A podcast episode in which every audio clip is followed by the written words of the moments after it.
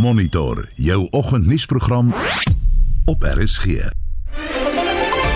En vanoggend se program minder staal en metaalprodukte is in Januarie vervaardig as 'n jaar gelede. Die Wêreldgesondheidsorganisasie vra lande om strenger wetgewing in te stel om landsburgers se soutinname drasties te verminder.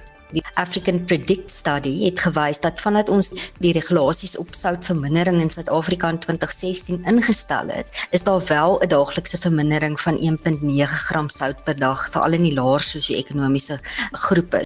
En aandelebeurse in Asië begin styg na die ineenstorting van twee Amerikaanse banke. Daar kom 'n monitor vanoggend onder redaksie van Jean Estreisen, JD Labeskagnie is vanoggend ons produksieregisseur en ek is Oudo Karelse. Mamelodi Sundowns het een hand op die DStv Premierliga trofee, 'n laaste kans vir die Dolphins, Titans en Warriors om die plaaslike vierdag titel in te palm. En op die tennisbaan dring Daniel Medvedev en Aryna Sabalenka deur na die kwartfinale by die Indian Wells Meesters toernooi. Ek is Shaun Schuster vir RSG Sport. Rip Gloria Bosman is een van die gonswoorde wat tans die meeste op Twitter gedeel word. Huldebruikers stroom in op sosiale media na die 50-jarige dood se dood gister na 'n kort siekbed. Haar familie het in 'n verklaring gesê sy was by haar huis omring deur familie en geliefdes waar sy vredig heen gegaan het. Die Wêreldgesondheidsorganisasie sê mense eet te veel sout in hul dieet wat die risiko verhoog om hartsiektes, beroertes en ander kwale te ontwikkel. Nou volgens die organisasie moet volwassenes minder as 'n teelepel sout of 5 gram per dag inneem. Hoe werk dit vir jou? Ons wil weet, is jy bewus van hoeveel sout jy elke dag eet? Kyk jy na die etiket agter op die verpakking oor hoeveel gram sout 'n produk bevat voor jy nog sout byvoeg? Vertel ons ook hoe jy jou soutinname verminder het. Stuur 'n SMS na 4588919 R50 per boodskap. Jy kan ook lekker saamgesels op die Monitor en Spectrum Facebookblad of stuur vir ons 'n WhatsApp stemnota na die nommer 0765366961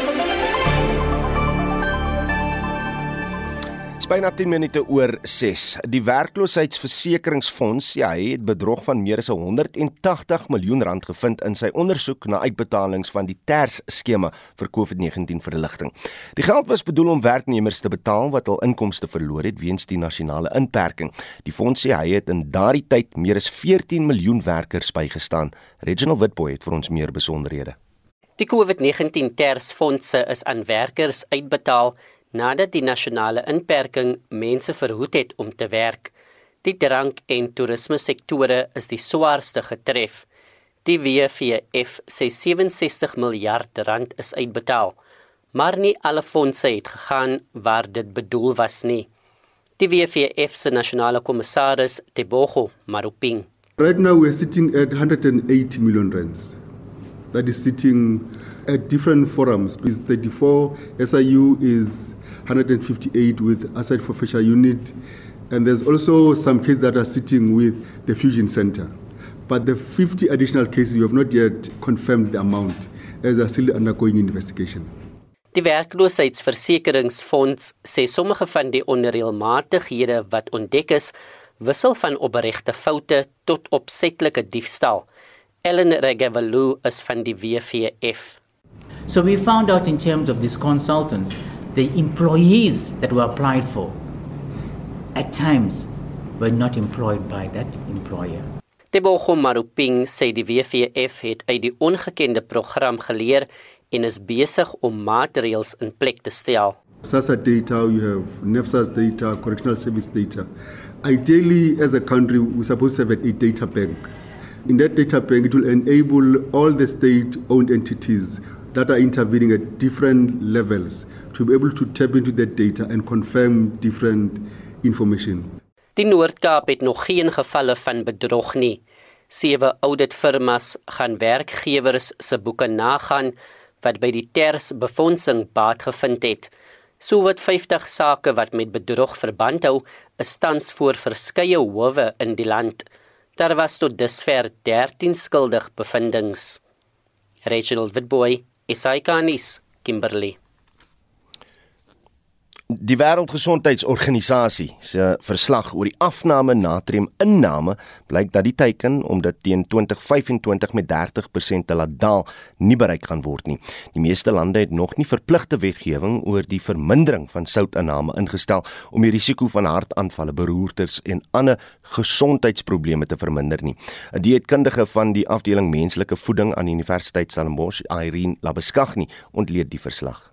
Is net in lyn met wat daarna gepoog word in terme van die verlaging van sout reg oor die wêreld wat drasties moet verlaag om hartvaskiektes, hipertensie, beroerte, diabetes, obesiteit, maagkanker niersiektes te voorkom. Dit is 'n algemene samevatting van wat ons weet. Dit raak al hoe meer dringend want die mense eet al hoe meer sout in plaas van minder sout en ons kry nie die vlakke noemenswaardig verlaag nie. Alhoewel in Suid-Afrika het ons 'n baie positiewe terugvoer van ons navorsing gekry, 'n studie wat deur die MRC Navorsingseenheid van Potchefstroom Universiteit gedoen is, die sogenaamde African Predict Study het gewys dat vandat ons die wetgewing, die regulasies op sout verminder vermindering in Suid-Afrika in 2016 ingestel het, is daar wel 'n daaglikse vermindering van 1.9 gram sout per dag veral in die laer sosio-ekonomiese groepe. So dit is baie positief want dit is noemenswaardig omdat 'n groot persentasie van die sout wat ons eet, omtrent 75% is verskuil in ons algemene dieet,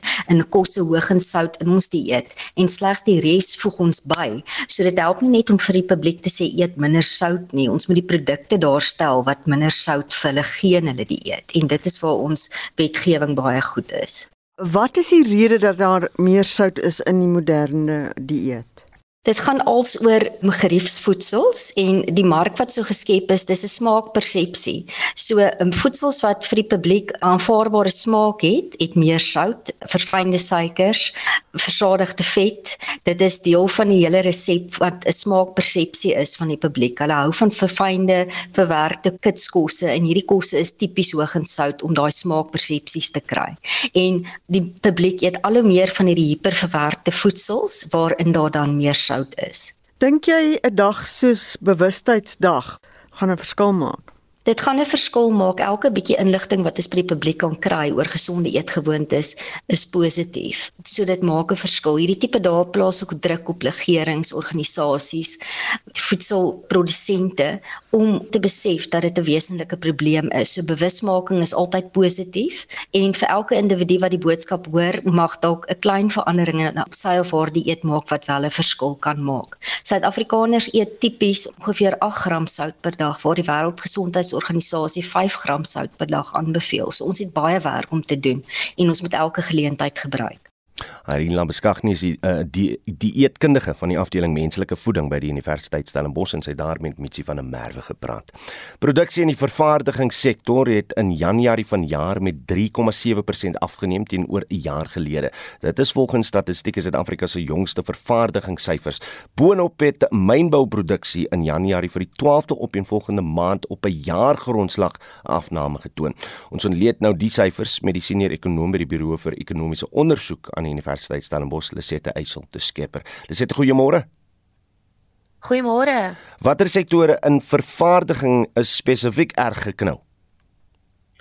Die afname in produksie was wyd versprei en behalwe voedsel en drankproduksie het eintlik elke groot sektor binne vervaardiging afgeneem op 'n jaar-op-jaar basis die uh, mees negatiewe impak het gekom van 'n meer as 10% afname in petroleum en ander chemikalieë produksie. Ehm um, en ek dink 'n groot deel van die storie daar is dat baie van Suid-Afrika se raffinerye oor die afgelope ruk tydelik of permanent gesluit het. Hmm. Uh produksie van voertuie, toerusting het ook met 7.6% geval.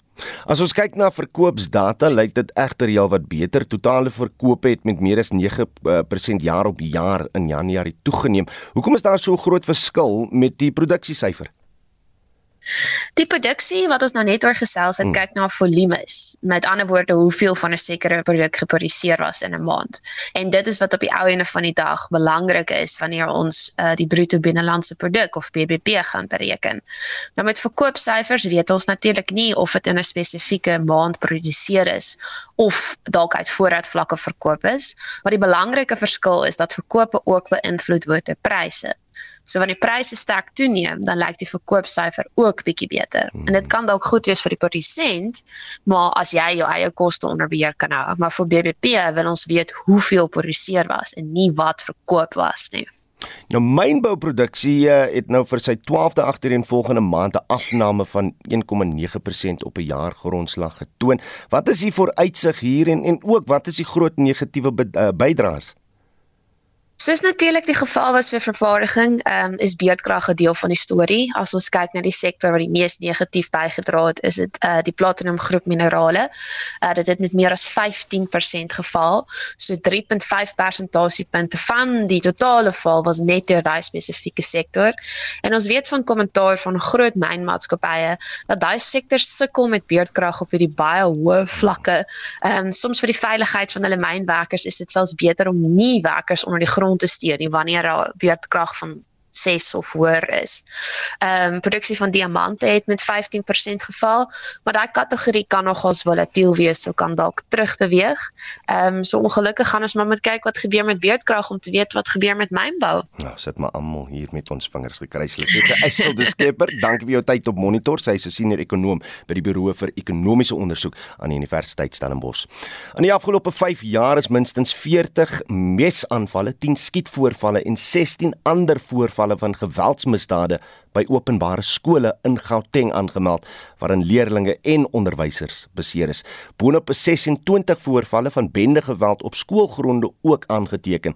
Nou dit is volgens die provinsiale LER vir onderwys Matome Chelwane uh, in 'n skriftelike antwoord op 'n vraag van die DA. Vir meer hieroor praat ons nou met uh, Jaco Deeken, die uitvoerende hoof van FETSAS. Jaco, goeiemôre. Goeiemôre Oudo. Is die statistiek wat ek nou net gelees het akuraat en indien so wat is die grootste oorsake daarvan? Nou Oudo, ongelukkig is dit akkurate syfers wat die departement het. Ons moet dan net per perspektief terwille van perspektief sê, hmm. dis nou oor 5 jaar. En ons so 2000 skole in die provinsie, so elke skool is nie 'n oorlogsone nie, maar meeste skole het wel groot dissiplinêre uitdagings. Die realiteit is 'n skool is 'n mikrosamelewing. Hmm. So as jou skoolgemeenskap sukkel met bendegeweld, geslagsgeweld, dwelmmisbruik en so meer, dan gaan jy dieselfde ook in jou skool beleef.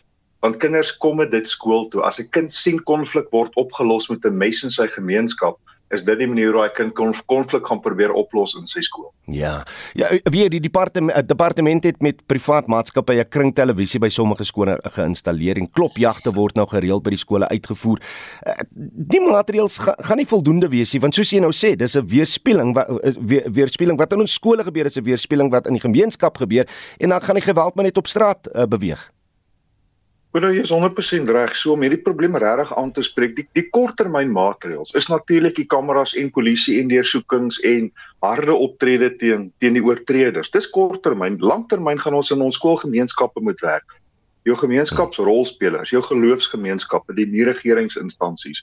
Ons moet plaaslike regering intrek om te sê wat wat skep ons vir ons leerders, vir ons jong mense in ons gemeenskappe? Um, ons ontspanningsfasiliteite en so meer dat as die gemeenskap nie gesond is nie dan lei die hele skoolgemeenskap daaronder. So die skool hanteer tot 'n groot mate baie van die simptome.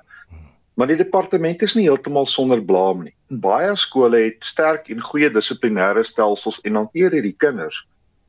En as 'n kind dan op 'n punt kom dat die kind soveel inbreuk maak op ander kinders se reg tot onderrig en die aanbevelings sit die kind uit die skool uit is daar nie baie goeie samewerking van die departement of nie. Daai kinders word eenvoudig teruggestuur skole toe. Dit maak onderwysers moedeloos. Ek dink elke skool het 'n maatskaplike werker nodig terwyl van die personeel en van die kinders. En ek dink dit behoort 'n belangrike prioriteit in die nuwe jaar te wees om daardie sosio-maatskaplike hulp vir skole te gee nie net die kameras en die polisiehonde nie. Ja, kom ons praat daaroor. Hoe lyk hy verhouding nou tussen die die getal maatskaplike werkers en skooliere in in ons skole want ons praat nou al van vir jare oor die feit dat daar net 'n tekort is. Ai, se jammerte. Ons probeer gou-gou om vir Janko Deeken op die lyn te kry want as ons nou oor oorhoofse oplossings gaan praat, dan dan moet ons eenvoudig net praat oor hoeveel maatskaplike werkers daar in ons skole bedrywig is want soos ek sê, vir jare praat ons oor die feit dat daar net eenvoudig 'n tekort is. En miskien kan jy ook deel wat jou ervaring is by jou kind se skool uh in, ten opsigte van van hoe die skool homself beskerm teen die geweld wat ons oor die afgelope 5 jaar daar gesien het. Maar ons kry nou nie vir Jaco Deeken op die lyn nie. Hy is die uitvoerende hoof van FETSAS. Ongelukkig kon ons nou nie verder gesels met hom daaroor nie.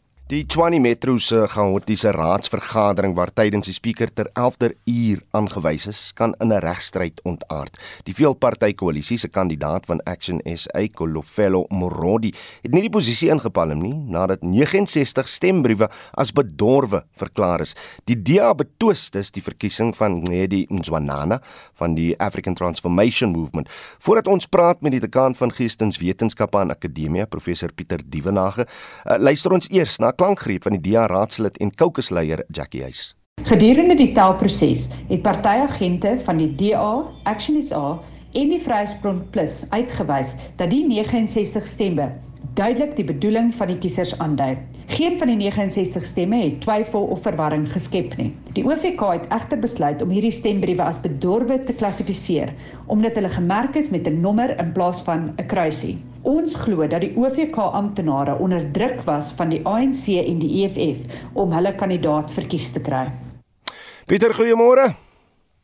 Môre Oudo. Hoekom is daar besluit om met 'n nommermerkie te maak en is dit 'n reël dat raadslede krisis moet trek? Wel, dit is vir my 'n bietjie 'n raaisel, Oudo. Kyk, dit is dit is standaard praktyk uh in Suid-Afrika maar ook internasionaal dat 'n krisis getrek moet word. Hm.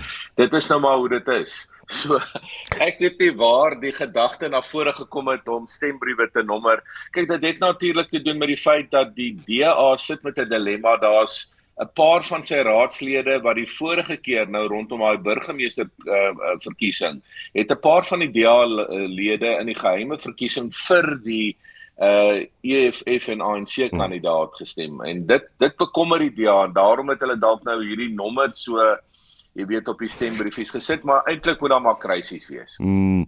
Kyk, ek daar's 'n teorie dat dit maar net 'n 'n proses van sabotasie was deur die DA van die kandidaat van Action SA, maar sou dit die geval gewees het, sou hulle dan nou regsaksie neem na die tyd. Nee, ek dink nie dis die geval nie. Ek dink die koalisie, die DA koalisie was redelik uh eensgesind. Hulle gaan vir Kolefelo Morodi, jy weet die ASA se kandidaat aanwys. Ehm um, ek dink dit is sabotasie van die van die DA nie. Ek dink dit was maar net 'n bietjie lomp.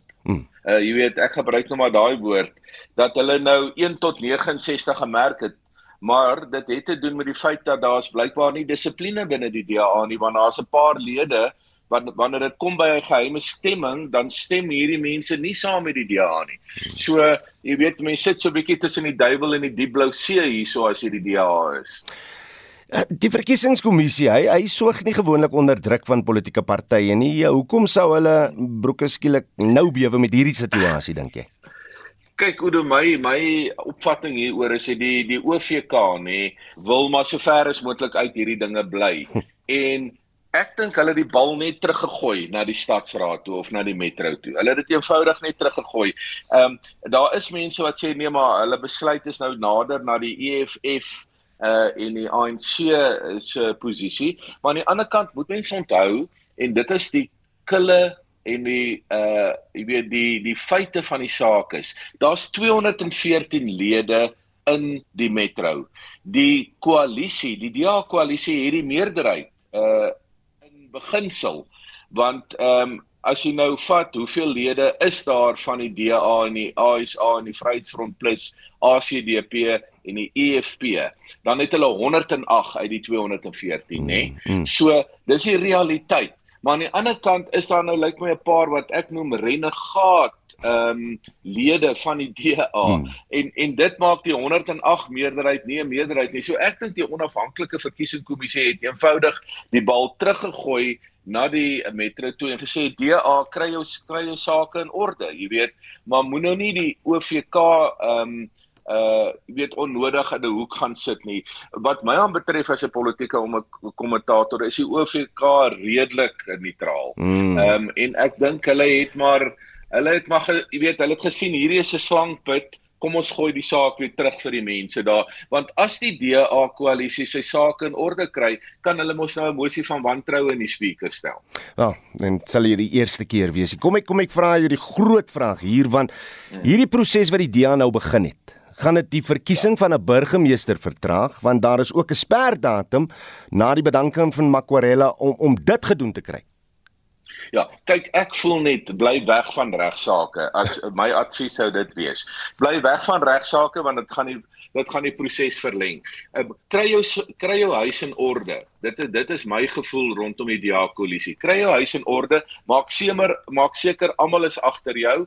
Dit is natuurlik die twee groot partye, die DA en die en die Action SA en dan stel jy 'n mosie van wantroue teen die spreker en dan beweeg jy van daar af uh, na die burgemeester toe en doen dit redelik vinnig. Hmm. Maar dit beteken dat uh, die DA koalisie nou binne die volgende dag of twee werklik waar dissipline sal moet toepas want daar is 'n paar uh, lede wat lyk my eenvoudig net hulle is gekies deur hierdie partye en wanneer dit by 'n geheime stemming kom dan breek hulle soort van die hmm. die ooreenkoms wat uh, wat binne die kontrak is van die DA koalisie. Dit was professor Pieter Dievenage, die dekaan vir geestes geesteswetenskappe aan Akademia. Die Suid-Afrikaanse jazzsanger Gloria Bosman is gister na 'n kort siekbed oorlede. Sy was 50 jaar oud. Bosman het twee same toekenninge agter haar naam. Sy het tot onlangs op die raad van die Suid-Afrikaanse Musiekregte Organisasie gedien. Die sanger Yvonne Chaka Chaka bring hulde aan Bosman. She was just a joyous person, minded her own business, and just concentrated on her art. Gloria Bosman was just one of those talented people, quite versatile. She sang gospel, she sang jazz, she sang everything the music industry has lost a great, great talent. Die stem daarvan musieklegende Yvonne Chaka Chaka. Kom ons luister nou na een van Gloria Bosman se treffers, Play Me the Love Songs. luister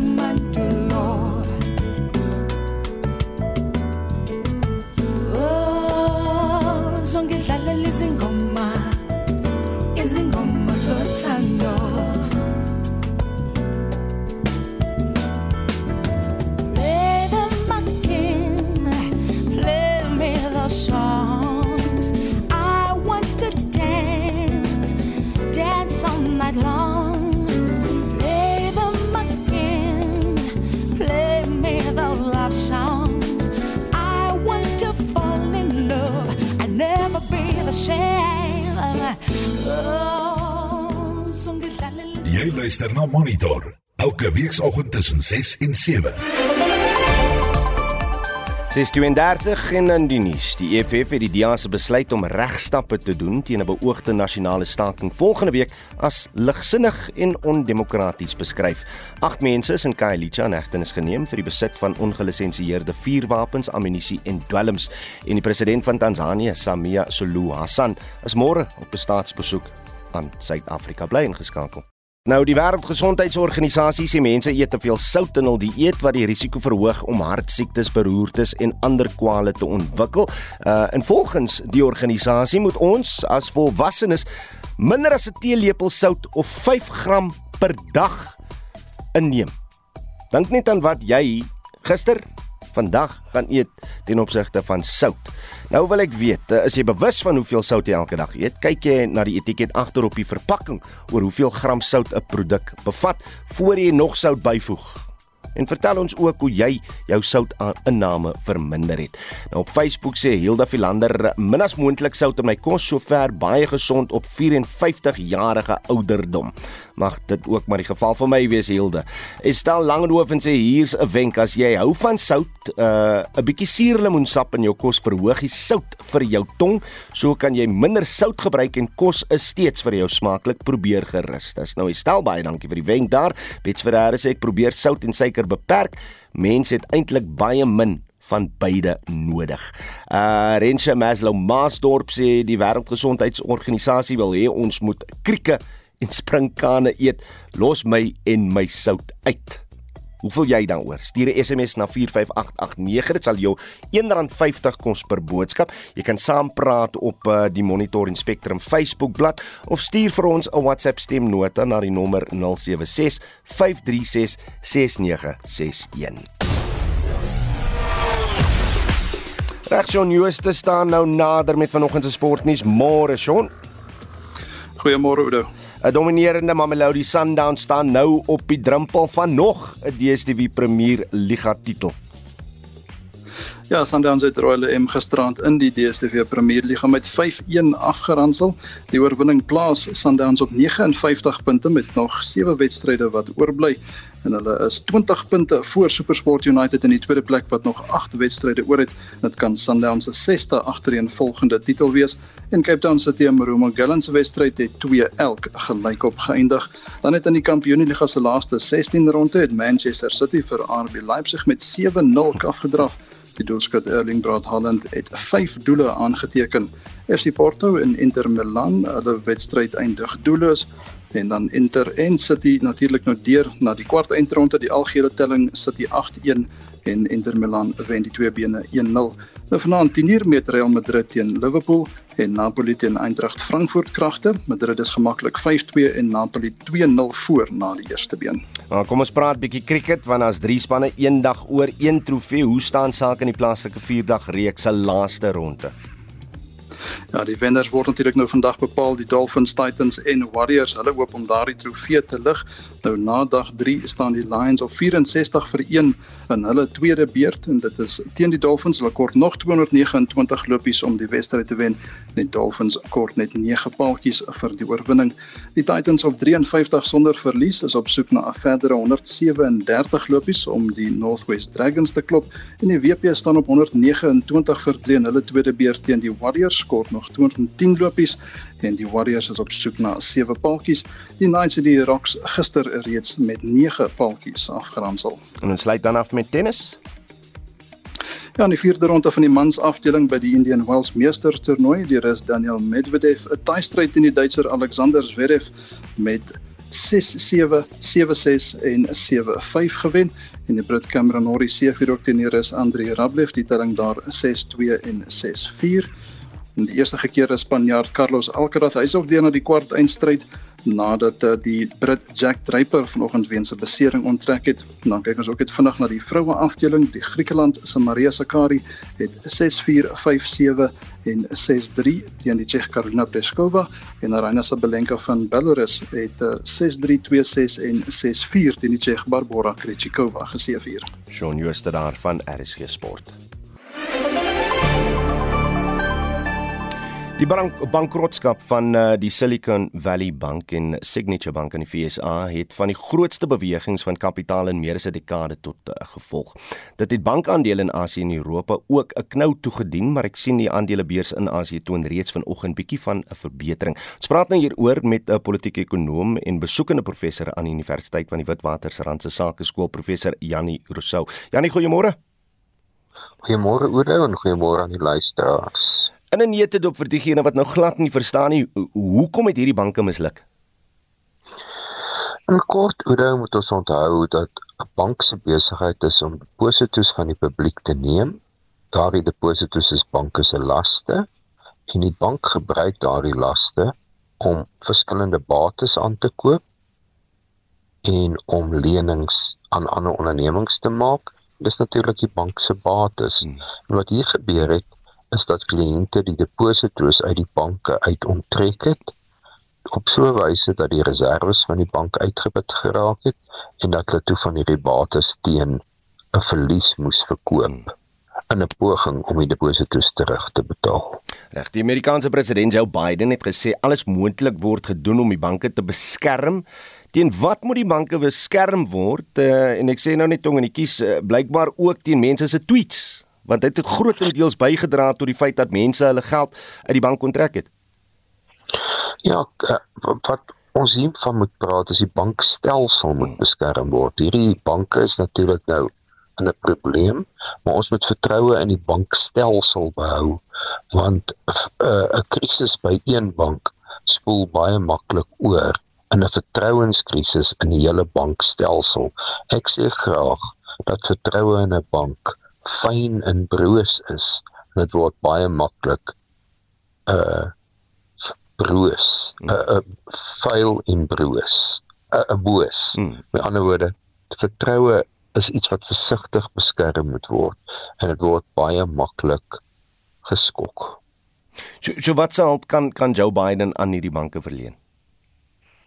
Wel, die hulp om hierdie banke te verleen is natuurlik om likwiditeit aan hulle beskikbaar te stel sodat hulle kan voortgaan om deposito's van kliënte terug te betaal op aanvraag wanneer die deposito's opgevra word. Maar die hart van die probleem Oudo is eintlik dat rentekoerse te lank te laag in Amerika was. Mm. En Die banke se probleem aan hulle batekant het ontstaan toe rentekoerse begin styg omdat inflasie begin styg het. Dit is ook 'n belangrike les vir monetêre beleid hierin. Jy het nou reeds moet ja ja moet altyd op die korrekte vlak wees. En hier is ons reservebank natuurlik op die regte pad. Ons rentekoerse teenoor die inflasiekoers en inflasieverwagtinge is op die regte vlak en ons Reservebank het rentekoerse betyds begin verhoog. Ja, so jy het nou reeds my my volgende vraag beantwoord, maar maar ek het wel vroeër die week gehoor hoe Absa se hoofuitvoerende beampte aanvoer dat ons banke relatief min blootstelling het hier in Suid-Afrika, maar hy het ook gesê ons banke sou vroegtydig kon sien dis aan die kom. Ah, dit is nogal 'n uh, groot stelling wat uh, ons daar gehoor het. Ons wil vertrou dat ons banke dit kan sien en ons wil vertrou dat ons banke goed gekapitaliseer is. Hmm. My indruk is Suid-Afrikaanse banke is goed gekapitaliseer. daarmee bedoel ek ook dat hulle genoeg reserves het hmm. wat nie uitgeleen is nie wat hulle kan gebruik om deposito's terug te betaal wanneer kliënte deposito's wil onttrek. En my indruk is dat in sommige lande, miskien selfs die FSA, daar 'n poging is om die reservevereistes van banke te klein te maak. En ek persoonlik is ten gunste van groter reservevereistes vir banke sodat hulle makliker deposito's terugbetaal kan word, kan doen wanneer dit opgeroep word. Is hierdie twee banke se mislukking geïsoleerd genoeg om te verhoed dat ons sien wat in 2008 gebeur het? Op die stadium is die mislukking nog geïsoleerd genoeg uh, en het die Federale Reserve Raad, die Amerikaanse regering, 'n beheer hieroor, maar ek moet sê, uh solank die vertroue in die bankstelsel beskerm word, kan dit beheer word, maar die oomblik is as die vertroue geskok word, kan dit oorspoel na ander banke. So in hierdie geval wat die Amerikaanse regering moet doen is om vertroue in die bankstelsel te beskerm. Nou, kom ons kyk wat uh, sê die aandelebeurse reg oor die wêreld. Professor Janie Rousseau, baie dankie vir u tyd op monitor. Hy is 'n besoekende professor aan die Universiteit van die Witwatersrand se Sakeskool.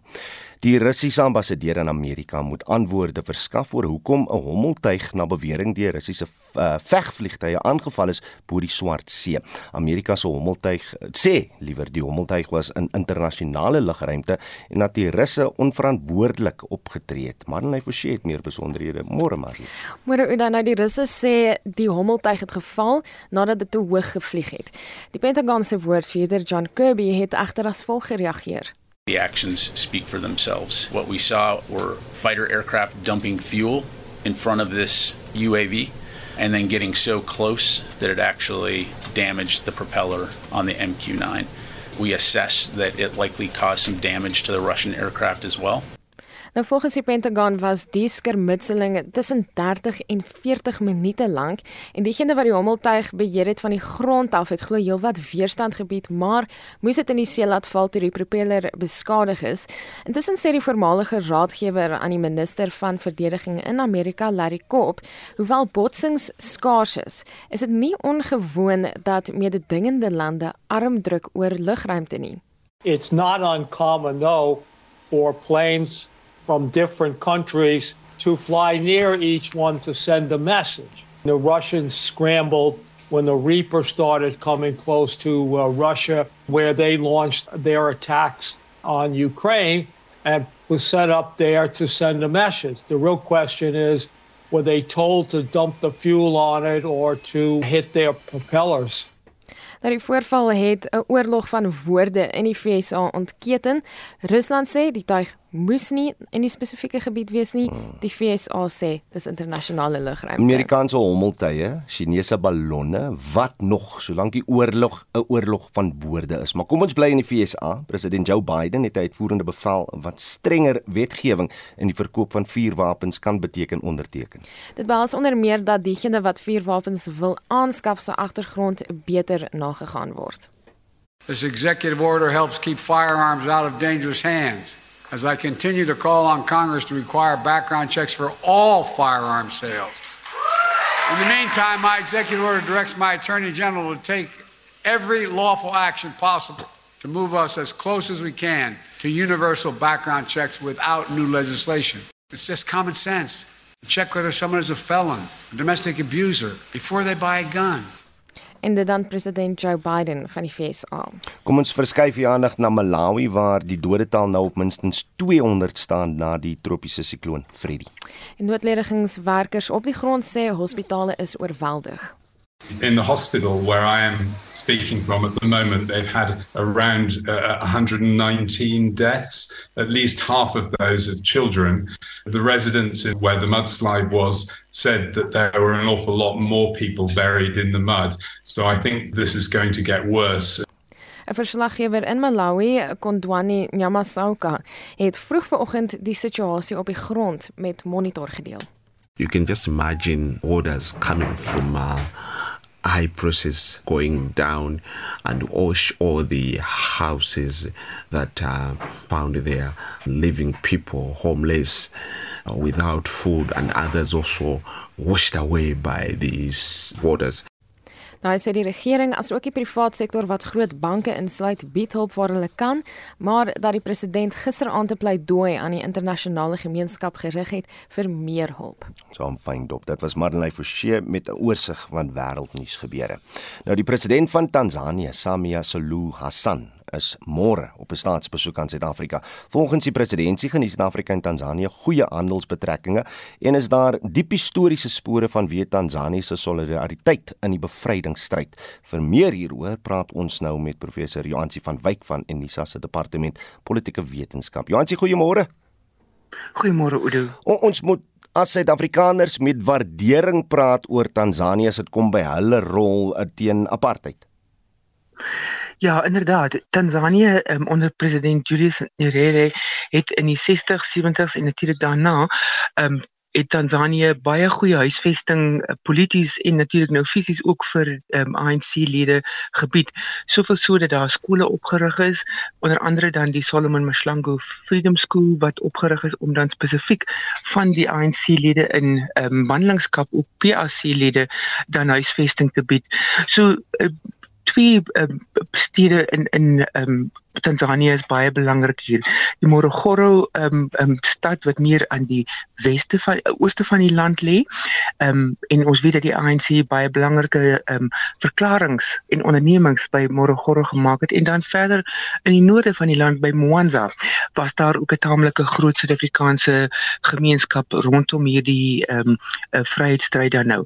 Tanzanië is natuurlik ook een van die um, stigterslede van die um, organisasie vir Afrika Eenheid wat dan ook homself dan van die begin af beywer het vir die die ehm um, bevryding ehm um, stryd in Suid-Afrika en dan ook die die die ehm um, aftakeling van apartheid. So ons het 'n baie lang geskiedenis wat natuurlik nou tot vandag toe nog met goeie handelsbetrekkinge verder gesmee word. Nou, Johansie voor ons daaroor gesels. Vertel net 'n bietjie meer oor eh, die president Samia Suluhu Hassan.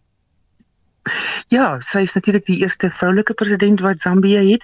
Sy is ook die eerste ehm um, Zanzibari ehm um, wat 'n uh, president word. Sy is 'n opgeleide ekonom en het dan natuurlik ook haar tande maar geslyp deur die hele politieke proses ehm um, as 'n parlementslid. Sy is um, in 1960 gebore, so sy is vergeleke met ander Afrika leiers um, heel wat jonk. En sy het sien dit haar uh, bewindsaanname ehm um, 2 jaar terug het sy baie ehm um, ehm um, hervormings um, in stand gebring. Sy het uitgereik na die um, oppositiepartye terloops haar eie party die Chama Cha um, Mapinduzi party is 'n baie ou party met ver, met verhoudings met die um, ANC. So daar's 'n natuurlike aanknoping wat ons dan nou sien met hierdie besoek van vandag met die twee um, buitelandse sake ministers en dan die presidente môre. Maar um, Hassan of dan nou Mama Samia soos wat sy in die volksmond daar bekend staan, het ook heelwat uh, pogings aangewend om korrupsie ongedaan te maak om dan ook um, kinders en dogters um, by die skole te kry, sy selfs van moslim herkoms en die land se toenemende moslim bevolking het natuurlik nou ook um, sekere uitdagings wat hulle vind. En ons weet dat die Tanzanië het 'n baie moeilike uitdaging ten opsigte van die islamitiese staat wat ehm um, nie net teen die kus geopereer het um, van Kenia af onder toe nie, maar die land het ook nou in die suide wat aan uh, Mosambiek grens 'n geweldige probleem nou met die gebeure wat in Cabo Delgado daar plaasvind. Reghandelsbetrekkinge tussen Suid-Afrika en Tansanië het uh, toegeneem van 6,89 miljard in 2021 tot uh, eh, 8,71 miljard in 2022. Hoe hoe kan ons nou daarop verbeter? Ons kan inderdaad daar verbeter deur natuurlik vir Tansanië te bemark as 'n baie goeie uh, beleggingsomgewing. Heelwat Suid-Afrikaanse maatskappye buite nou kom ons sê die groot 5 die die um, voedselmaatskappye, die banke, um, die toerismegroepe et cetera, is daar ook heelwat van ou uh, kleiner maatskappye wat betrokke is in die elektroniese sektor, um, in die vervaardigingssektor. Ons voer um, katoen byvoorbeeld uit van van um, of in van Tansanië. Ons Tansanië voer ook baie goud in wat dan deur ons kan geprosesseer word. So Tansanië het hoofsaaklik um, rou materiale wat hulle uitvoer en ons kan omdat ons bietjie meer van 'n ekonomie het wat meer kan prosesseer, moet ons miskien hierdie landbouprodukte dan nou probeer invoer en waarde daartoe toevoeg. Maar die belangrikste is dat ons dan nou ook vir ons self 'n plek daar ingrawe en ja, as 'n mens kan kyk as die Chinese daar kan teen hierdie geweldige tempo kan inkom kan ons ehm um, infrastruktuurmaatskappye dit teen ook doen want ons het baie grootes wat hier werk. Natuurlik in die mynsektor is daar ook baie geleenthede. So ek dink die die die die, die selfvertroue van Suid-Afrikaanse maatskappye ehm um, gaan daar ook 'n faktor wees. En ons weet in hierdie stadium is die infrastruktuurprobleme ehm um, die toeganklikheid en beweegbaarheid ehm um, in die land 'n probleem. Johansie van Wyk, baie dankie vir jou tyd. Sy is natuurlik van Unisa se departement politieke wetenskap. Die gesondheidsombud beveel aan dat tigstappe geneem word teen die bestuurshoof van die Rahima Musa Moeder en Kinderhospitaal, Dr Nozoku Mkabai. Dit volg na ondersoek oor beweringe dat swanger vroue op die hospitaal se vloere moes slaap. 'n Lid van die departement of 'n parlement se portefeulje komitee oor oor gesondheid, uh Asenba Ismail, het die klag ingedien. Annelien Moses doen verslag. Die gesondheidsombudsman se ondersoek het bevestig dat die bestuurshoof Dr Nozuko Mkabai vir 182 dae nie by die werk was nie. Daar is ook 21 dae in 2021 en 72 dae in 2022 waarvoor daar geen verklaring is nie. Professor Malegapuru Makgoba het aanbeveel dat Mkabai wat intussen skuif is na die provinsiale hoofkantoor en nog 'n amptenaar dissiplinêr aangekla word. We felt that the current CEO should really be taken to account to deal with the way in which she dealt with her leave arrangements. I mean, that's for the disciplinary inquiry to decide how to handle that. But we felt that this is actually an administrative issue that should be dealt with that way. It cannot be dealt with. We cannot find a political solution like that. And then there's a lady called Kuduka who was in charge of the theater. The hospital ran short of the medication that is used to prepare for abdominal surgery. And she decided decided to go and create her own concoction.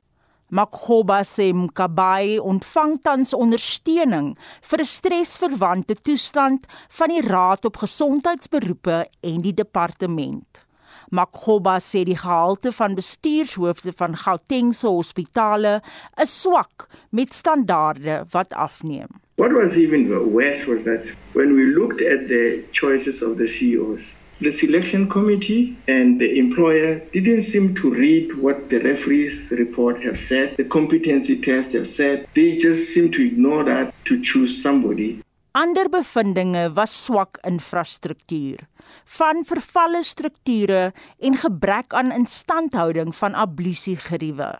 Makgoba sê die hospitaal voldoen nie aan die mees basiese vereistes nie. It has no laboratory service. It has got no blood bank. And anybody who has been in an obstetric ward knows that, you know, blood is almost the lifeblood of obstetric practice. Operations are the lifeblood of obstetric. And neonates, those are the sort of things that you can't run such a hospital without a 24 hour laboratory service. Rahima Musa doesn't have that in the 21st century. Die minister van gesondheid, Joe Pasla, het die verslag ontvang. Sy departement sal nou intree om te verseker dat die geboue opgeknap word. Pasla sê alhoewel hulle bewus is van die tekortkominge, is die druk op moederlike sorg ontsaglik met 40% van die pasiënte wat buitelandse burgers is. We know that in this province, while there are demands for other services across the board for South Africans and also uh, non South Africans, some of them not even documented, we know that that pressure is huge. Die verslag is saamgestel deur Pumzile Mlangeni en ek is Annelien Moses vir SAK nuus. Hitsmerk National Shutdown is in die 4de plek op die lys van gewilde onderwerpe. Daar gons dit oor die EFF se beplande staking op 20 Maart op Vryheidsdag om die land tot stilstand te ruk. Onder die hits word beeldmateriaal gedeel van onder meer die betogings en geweld in Pakistan. Ene Tabane skryf: "Die EFF is bekend vir sy vredesame protesoptredes.